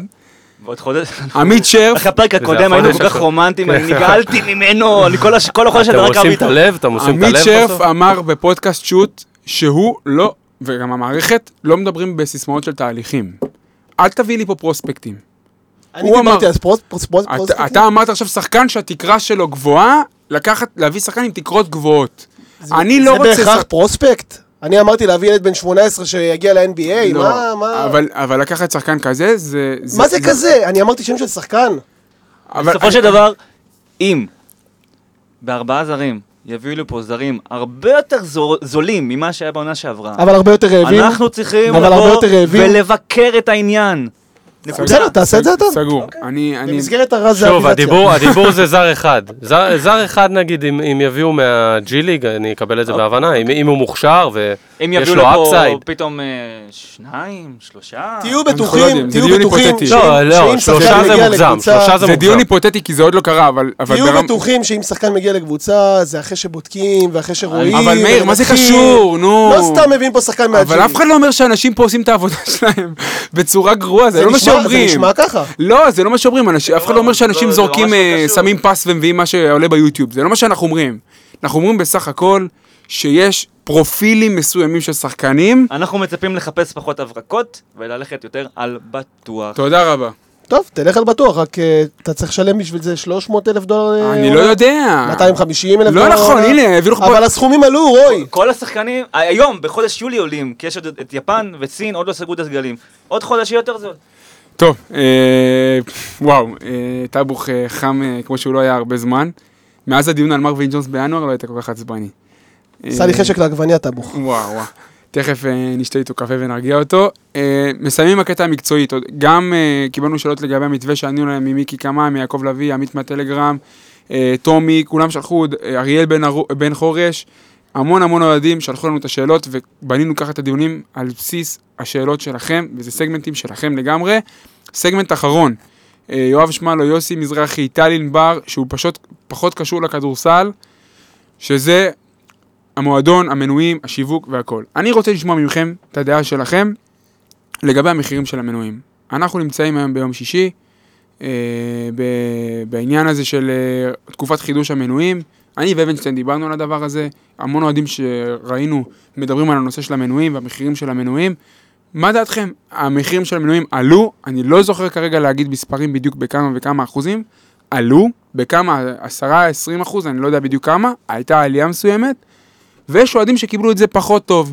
אה, שואל אותנו, אילן מולכו. אילן מולכו ורועי פרדי, שואלים אותנו לגבי מחירי המנויים, מה, מה דעתנו בעניין? אז לא יודע, אני, אני אישית חושב שזה מחירים ביחס לקבוצות, אני מסתכל ביחס לקבוצות אחרות, והמחירים הם סבירים. אה, אני חושב שמבחינת, מדברים על העלייה, אבל. על העלייה, האם על אתה- האם- ההחלטה האם- לעלות. האם אתה עדיין הרבה יותר מקבל- נמוך מ... האם אתה מקבל ששנה אחרי שנה מעלים לך ב-10-15 אחוז את מחיר המנוי? שוב, אתה מקבל את זה בחיבוק ידיים? שוב, אם יש אה, פיצה מסוימת שגובה, פיצריה שגובה, כל הפיצריות גובות 100 שקל, אני- ואני התחלתי מעשרה שקלים, אני חושב אז כן, זה לגיטימי. הפועל חולון הרי זה עסק יותר משפחתי, יותר חם, יותר אוהב. אני אני- מצפה ש... אוקיי, בוא נציע, נניח רוצים לייצר יותר הכנסה מאוהדים. אפשר לעשות את זה בדרכים אחרות, כי כשאתה מעלה מחירים, אתה מרחיק אוהדים חדשים. אני מציע, לא השנה, כי כבר זה אבוד, בעונה הבאה, במקום להעלות מחירים של מנויים, להציע פלטפורמה אחרת, כמו איזה קרן אוהדים. כל אוהד משלם עוד 500 שקל, וזכאי להיות, אה, לקבל את העדכונים מאנשי המועדון אחת לרבעון. משהו כזה, משהו אחר. כי כ- כשאתה מעלה את המחירים של המנויים, לא אתה כרגע. מרחיק לא אוהדים כרגע. חדשים. אבל זה לא ואנחנו קיים רוצים כרגע. להגדיל את בסיס האוהדים. זה לא קיים כרגע, אבל. זה, לא, זה, דבר זה. מה שאני מציע. צריך לחשוב על, על פתרון אחר. אם רוצים להגדיל אתה צריך להסתכל על את זה בסיס הפוך. התמיכה טאבו, הכלכלית מהקהל, מה אפשר אתה- אחרת. מה- לא לעלות כל שנה אז- בעשרה, חמישה עשר אז אחוז. שנה איך אתה מסתכל על זה? אתה אני, אני מסתכל פר. משחק, פר משחק, אתה משלם כבר- סביב אתה- ה-40-50 אתה- שקל. לא. שקלים? אני כמה אתה משלם? תלוי איפה אתה יושב. ת- ת- זה תלוי. סבבה, אני אומר, היום כשאתה יוצא לבילוי, אתה לוקח, אה, אתה, הולך לסרט, אוקיי, פיצה ובירה. אני- אנחנו מדברים כאן ברמה מקרו-מדינית. אני, יש דברים שאני לא מקבל פה ב, ב, בעניין הזה של מחירי המנויים. אני לא אוהב את זה, אפשר לעלות, לעלות, לקבל יותר כסף מהקהל בדרך שונה. יש קהל שמתלונן שהוא לא מקבל מספיק אה, יחס מההנהלה, או לא מקבל אה, שיח פתוח, אין בעיה. תצטרף לקרן, מי ישלם 500 תצטרף שקל בשביל לקרן. לא, לא יסיימו זה את לא- זה, עזוב. תצטרף לקרן, זה. גם רעיון אחר, אתה עזוב, צריך הוא- הוא להסתכל על מה שיש. כרגע. בדיוק. יש כרגע... אבל זה, פתרון.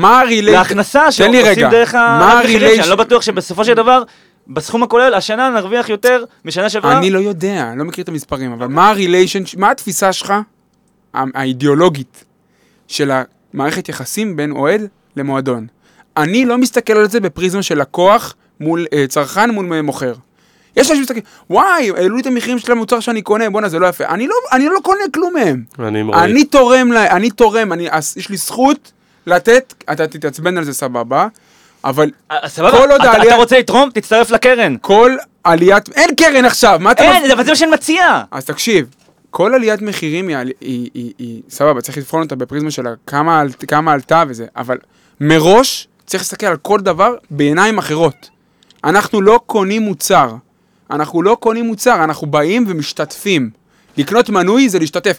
למה אתה קונה מנוי לפני שאתה יודע איך הסגל נראה? חכה שיבנו את הסגל, תראה אם מתאים לך ותקנה. אבל זה, למה? זה לא משפיע עליי. למה? זה לא משפיע עליי. למה? לא כי. אתה לא קונה מנוי בגלל המוצר, אתה קונה מנוי כדי אבל להביע לא, את לא הסולידריות כל שלך. המנויים הם כמוך.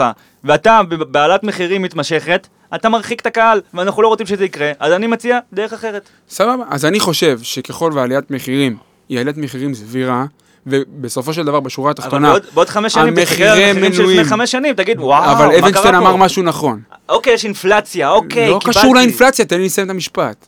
המחירי מנויים בהפועל חולון עדיין נמוכים יחסית לשאר הקבוצות בליגה, ואל תגיד לי, יש להם יותר תקציב והם מביאים זרים יותר גדולים. אדרבה, אין לך יותר תקציב, אתה צריך יותר את הקהל שלך. והקהל, אם הוא קהל אמיתי ואוהב, אני אומר יתרום. שאפשר אפשר למצוא דרכים יותר יצירתיות. סבבה, נכון, אבל אני כרגע מסתכל על החלטה עכשיו.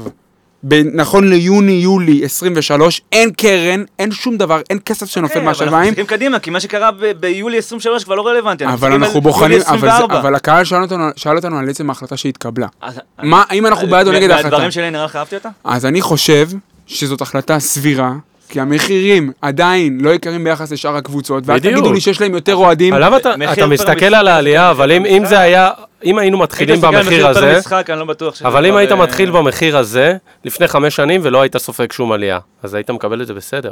היית נכון, אומר, אה, זה לא הייתה נכון. עלייה, איזה... ב-" תקשיב, מכרו פה אתה מנויים מבין? הכל עניין של אה. פרספקטיבה. אין בעיה. קיבלתי שנה. והבעיות- קיבלתי שנה של העלאת ו- מחירים, קיבלתי שנתיים של העלאת מחירים. והנה, ניר... אם זה כבר כמובן מאליו, כל שנה להעלות מחירים, כאילו האוהדים לא שמים לב, זה לא... כי אני מסתכל על האוהדים החדשים, אני לא מסתכל על אלה שכבר משלמים את הספיגה הזאת. אה, יש לי חברים שהם לא בטוחים עדיין, רוצים לבוא, לא רוצים לבוא. אין, ספק, לא בזה, לא אני מסכים. איתך, יש אוהדים שהם פחות מחוברים למועדון, ויש יש מצב שזה ידלל אותם, אבל אה, אני לא יודע מה השיקולים הכלכליים אז אה, אני אגיד. דבר כזה. זה אני אומר מאמין שמבחינת. מספרים עשו את הבדיקה. אז אני אומר דבר כזה, אני בסדר עם המהלך הזה, אני אף פעם לא שמח שמעלים מחירים, אבל זה הגיוני, ואני חושב שבמ- שבמציאות כלכלית, במציאות כלכלית אה, מורכבת יותר, ראוי, כאילו, העלאת מחירים מתקבלת בהבנה יותר. אם היה נכנס פה משקיע פרטי שעשה מיליונים, מתן נדלסון, לא העלו, לא, לא עלו המחירים בהפועל ירושלים, ואז אמרו, איזה יופי, לא העלו מחירים, בטח שזה קל, קל מאוד לא, לא להעלות מחירים כשיש לך מיליארדר בגב, ברור שזה קל. ולצאת ולהגיד, אנחנו לא מעלים מחירים, ברור, כי יש לך מיליארדר בגב. מה לעשות שאין לך? מה לעשות שאין לך ואתה, רוצ, ואתה רוצה לבנות קבוצה תחרותית? נכון. לא בא לך לרדת ליגה, נכון?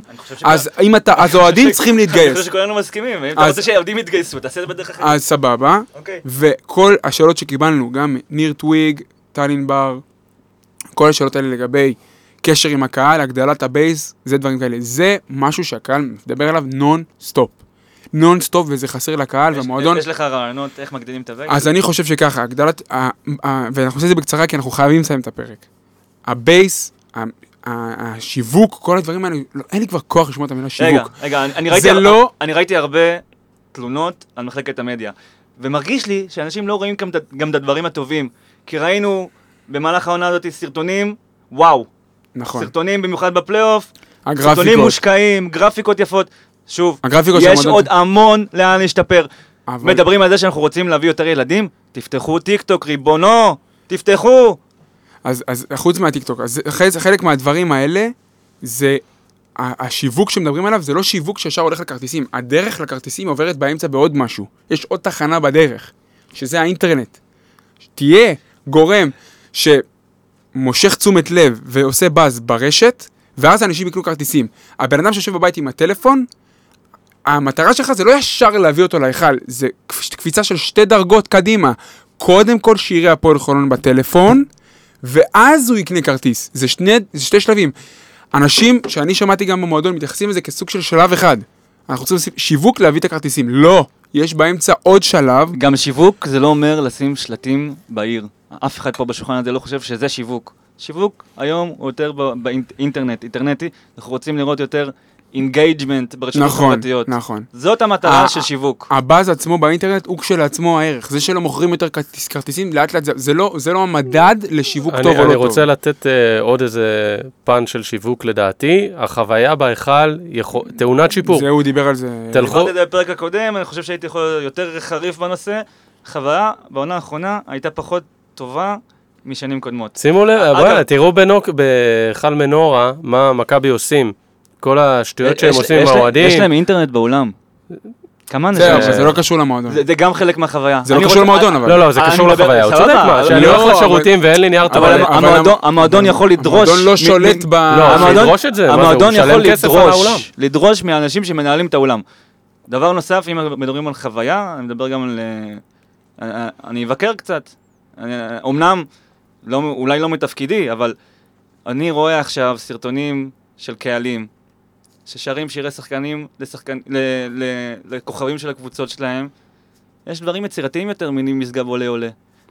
אוקיי? שירים אמיתיים.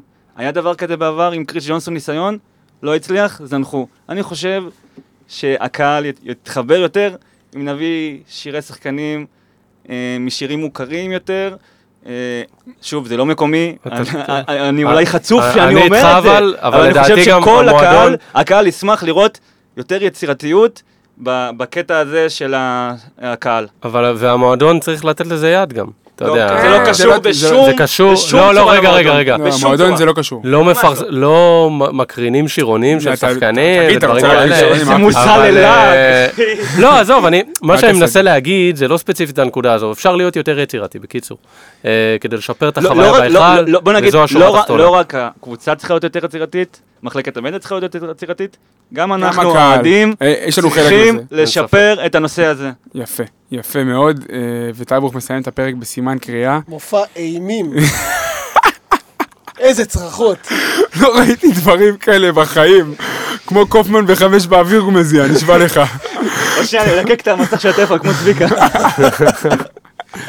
תן. לו מרשם לריטלין אה, חם פה אחי. באולפן, היה לנו פרק חם, דיברנו על הכל, על קריס וג'ו, על עמית שרף, על שינויים בסגל, אלה שהלכו, אלה שבאו, זרים, מתווה, שיווק, מדיה, קהל. כל הדברים האלה זה דברים שאתם האוהדים שלנו בניתם לנו אה, בליינאפ, ותודה רבה לכל מי ששלח שאלות אה, ודיבר.